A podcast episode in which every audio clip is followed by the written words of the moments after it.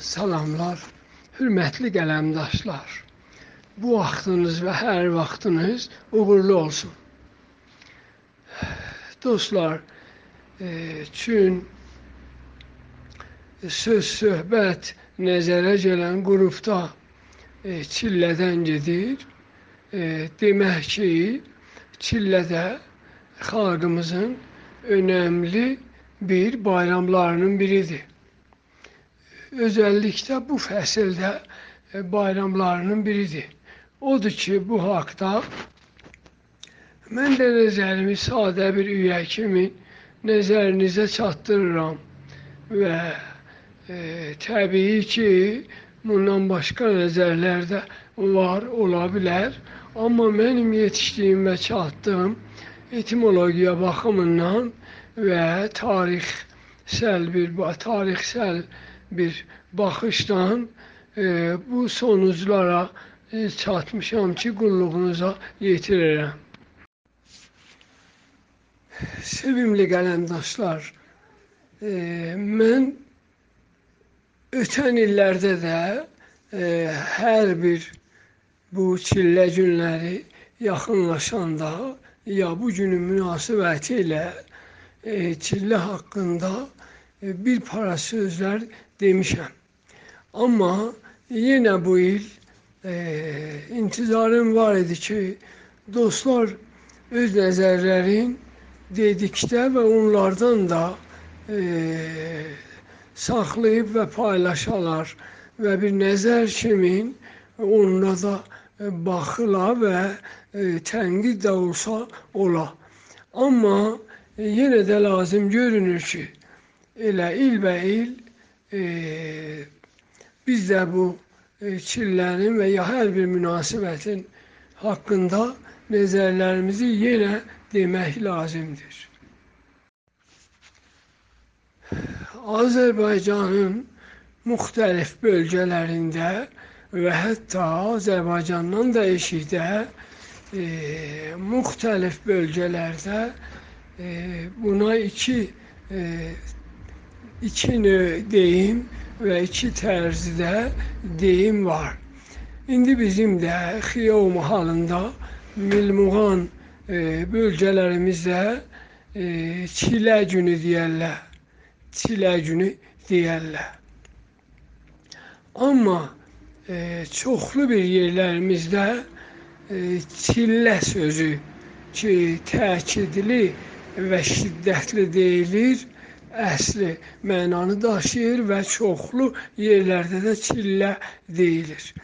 Amma bunun e, hər ikisində mən bir-birindən ayrı e, köklərinə baxaraq və hər birinin haqqında e, qulluğunuza e, deyim ki, birincisi e, çiləmək sözü və çilə sözü.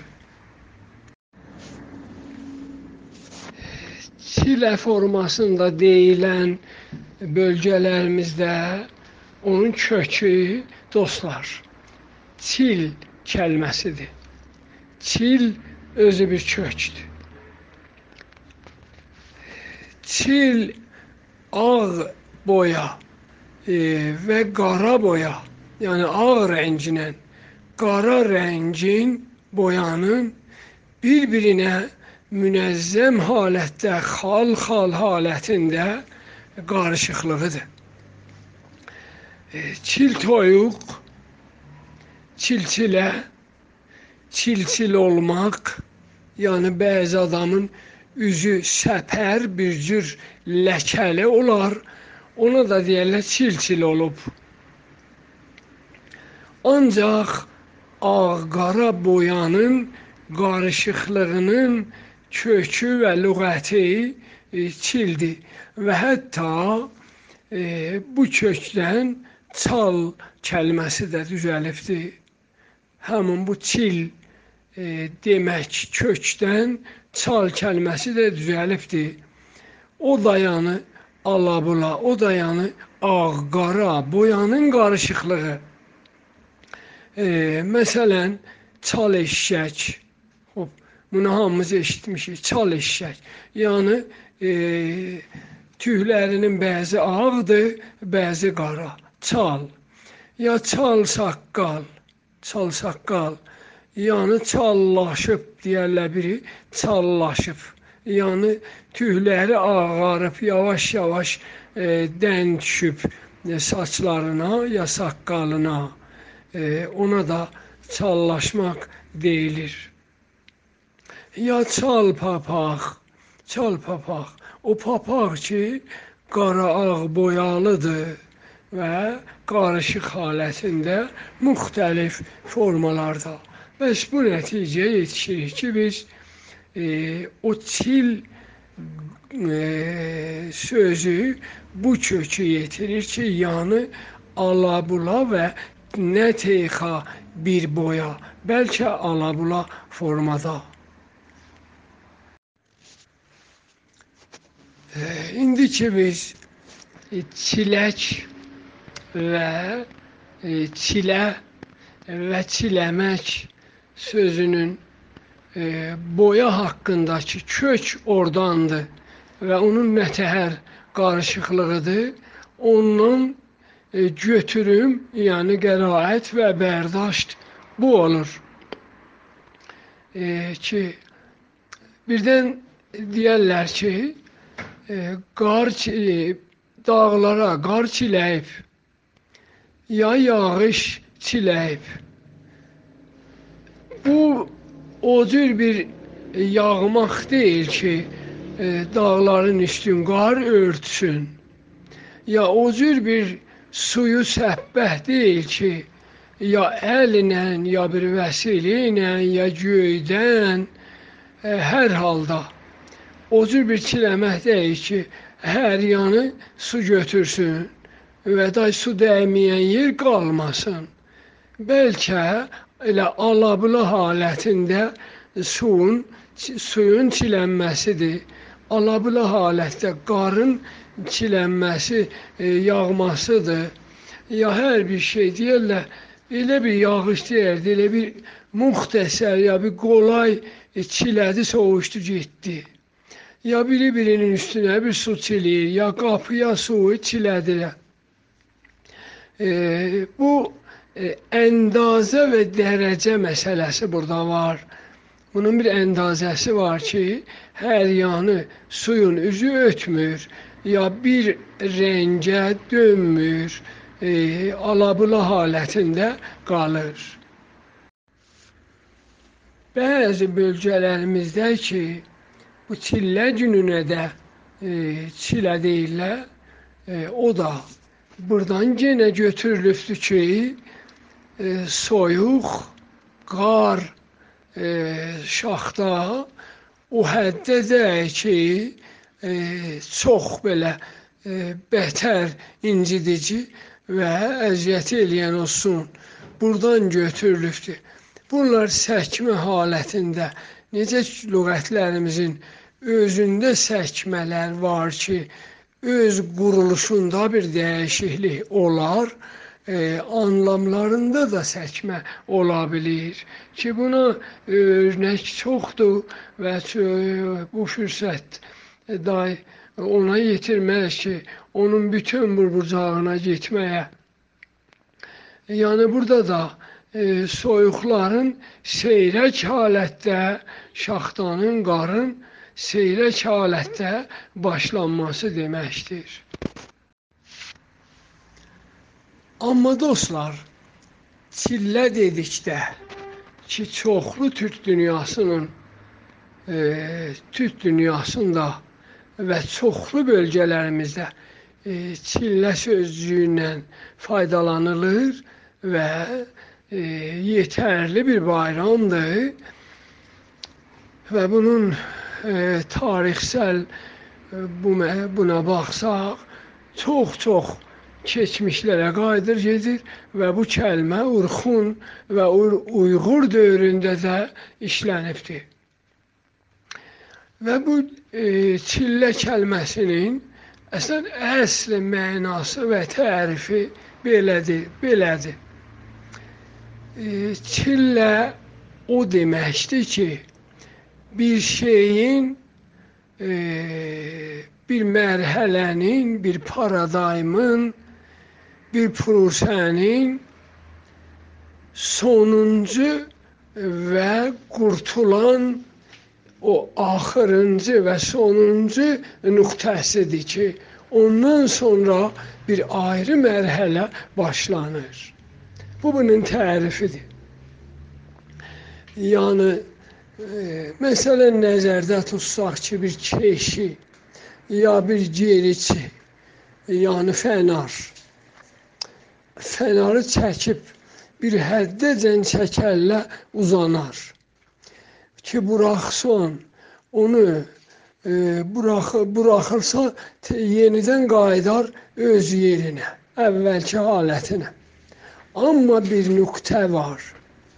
Amma bir nöqtə vardı ki, ondan artıq bunu çəksin, day əvvəlki yerinə qayıtmaz. Yəni day o əvvəlki bir şey olmaz. Ya sınar, ya qırılar, ancaq da əvvəlki bir şey olmaz. Bu çillə sözünə də e, neçə örnək lazımdır ki, deyilsin.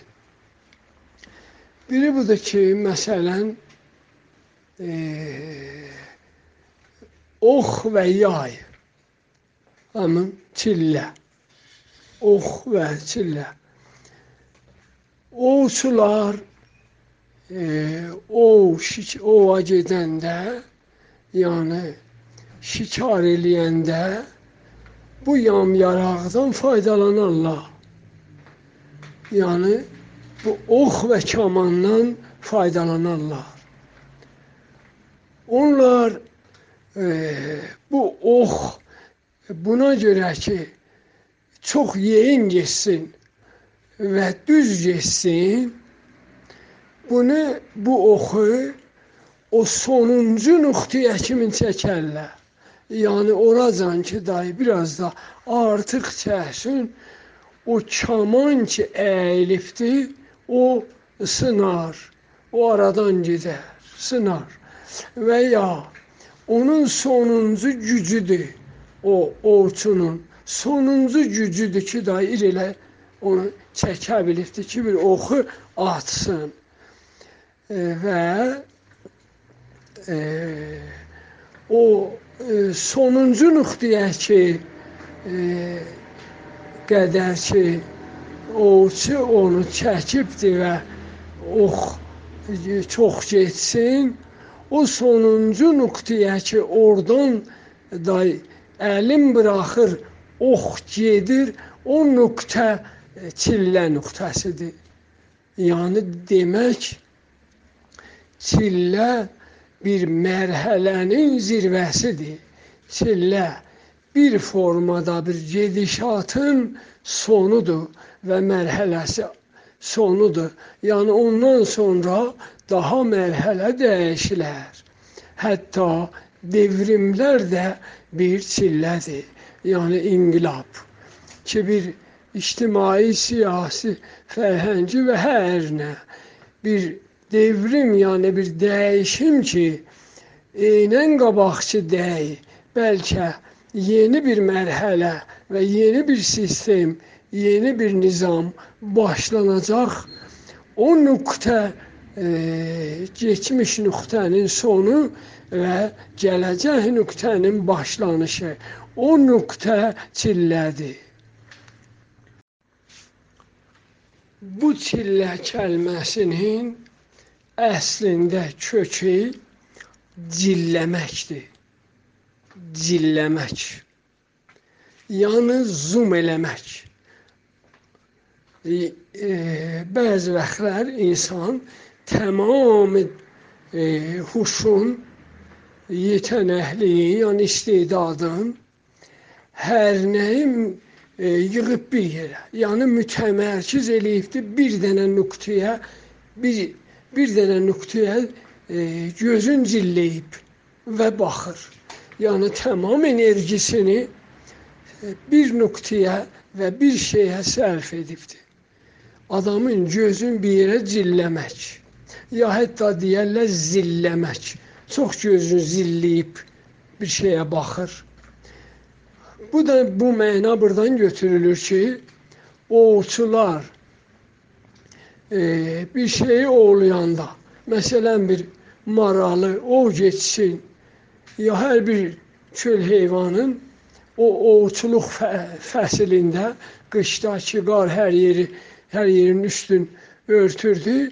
İnsanlar pənah gətirirlər ki, acılarından ölməsinlər ovçuluğa. Ovçular gözlərin cillərlə, yəni zoom elərlər, o şeyi ki, istəyirlər onu vuralar. Onun bir zamanı var, onun bir həddi var. Onu o həmişəki o cür qala bilməz.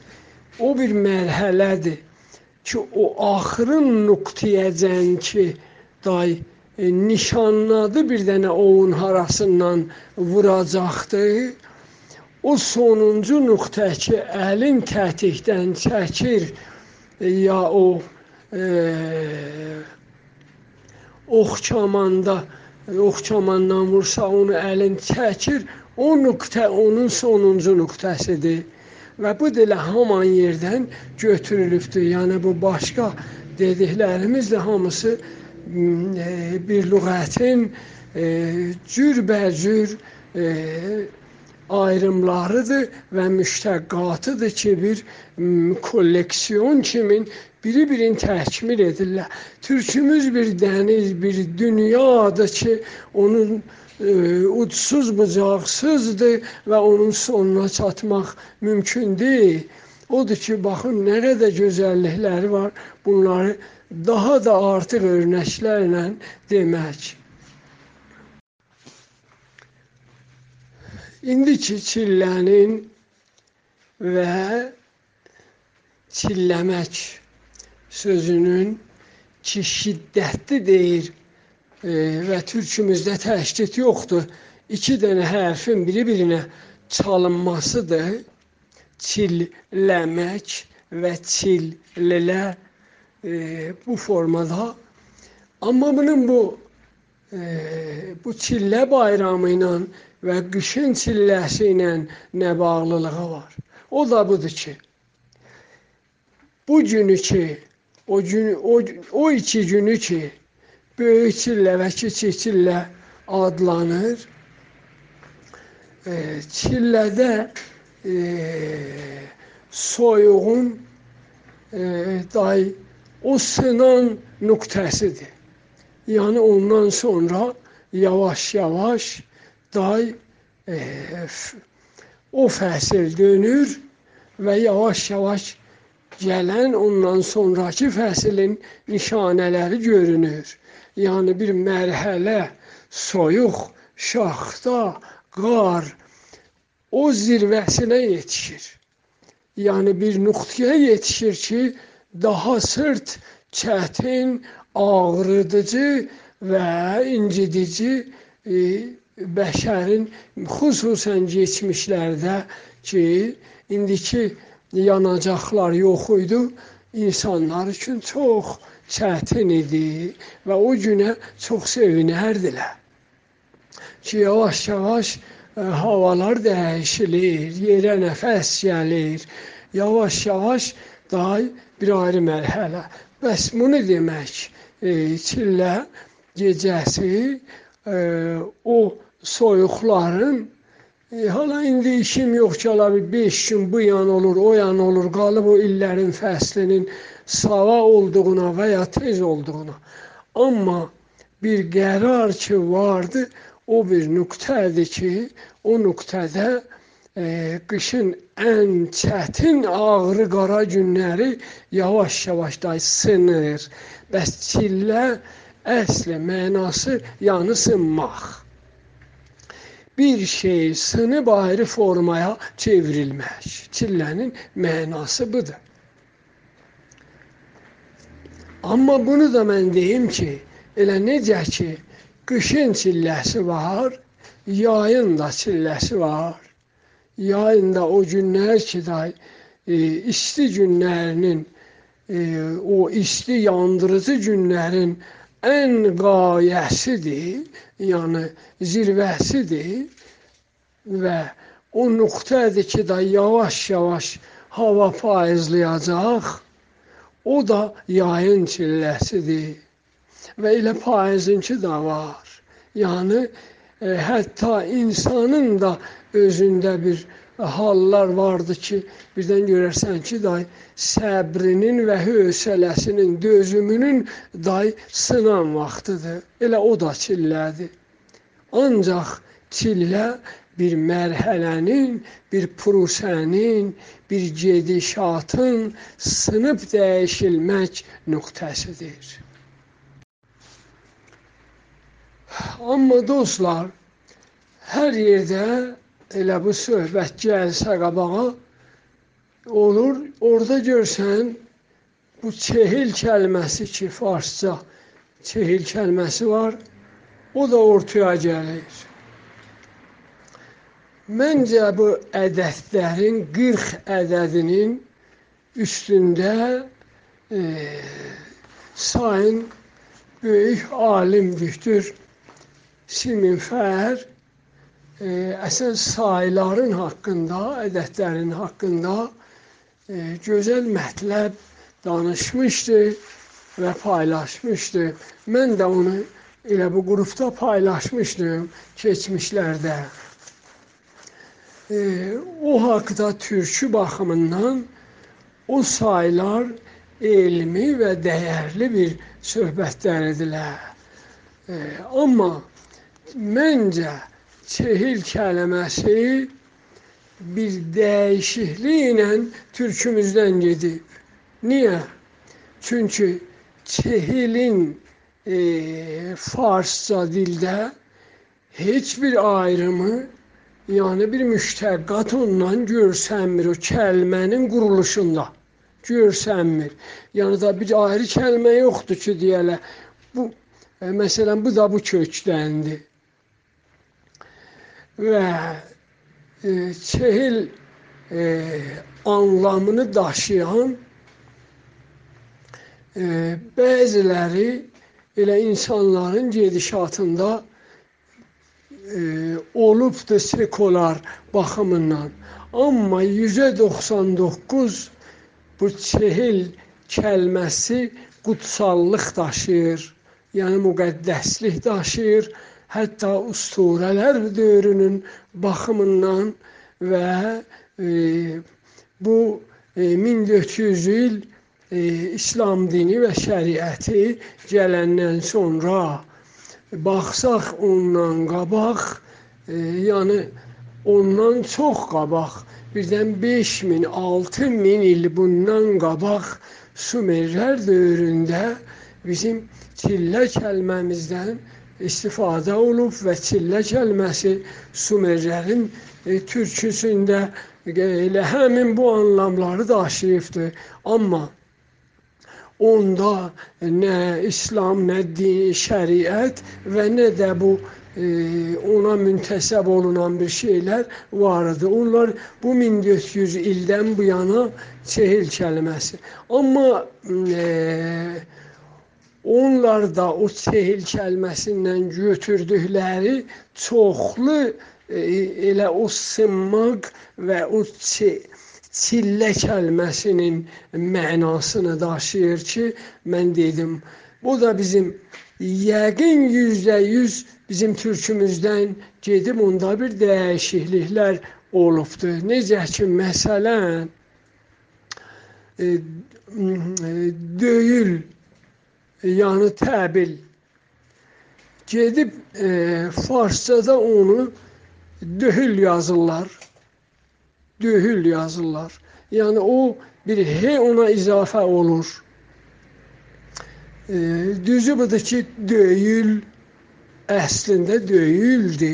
Yəni onu döyərlə, təbili döyərlə və ondan bir səs çıxar ki, döhüldü. Ya məsələn, Söyül e, ki, Süheyl ya Süheyl deyilir farscada. Ya məsələn bizim sevgili, sevgi, e, sövgülü bu kələmə gedir farscada yazırlar e, soğul. solğun. Axı bunların kökü bizdədir. Kökü bunların türkümüzdədir. Bu kəlmədə e, türkümüzdən e, farsçaya gedib. Kəlmənin özü də türkümüzdən farsçaya gedibdir. E, çünki e, farslar e, e, qonşu dillilərimiz farslar, farsça danışan insanlar ki biz onlara da özümüz bərabər hörmət qalıq, danışanda çel deyərlər. Çelta, çelduni, çelta, çehil deməzlər, danışanda çel deyərlər. Çel. Ki bu bir dəyişimdir. Elə vurdığım misallar kimi bunda bir dəyişilib və yey, hə, hə təğyir tapıb və he formasına düşübdür.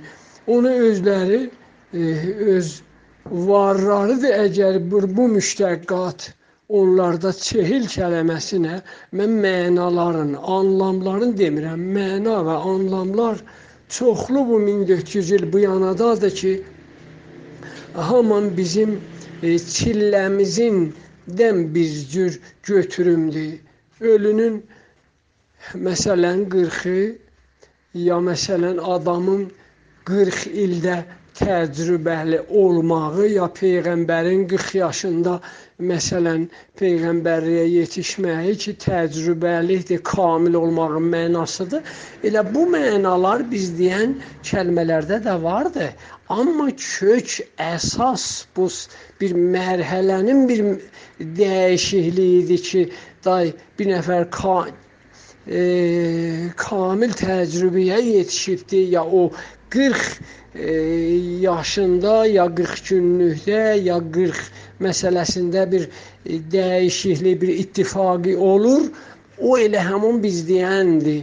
Anlam bizimkidir və amma kəlmədə ki farsçaya gedib bir dəyişikliklər olubdur və bizim çilləmizin əslində o çehil kəlməsinin zahir oxşarlığıdır və onda bir dəyişiklik olubdur zahirində kəlmənin və e, əslində bağlılığı yoxdur.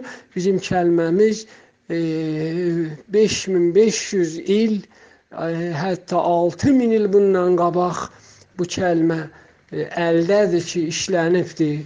Amma e, bu e, məna variantları ki, farsçaya qoşulubdur e, və dinsəl və şəriət anlamı da daşıyır. E, nəhayət e, 1400 ildən bəridir. Çox sağ olun dostlar. Hamınızdan təşəkkür edirəm. Yorulmayasınız və başınızı ağrıtdım. Çox-çox sağ olun və yaşayın.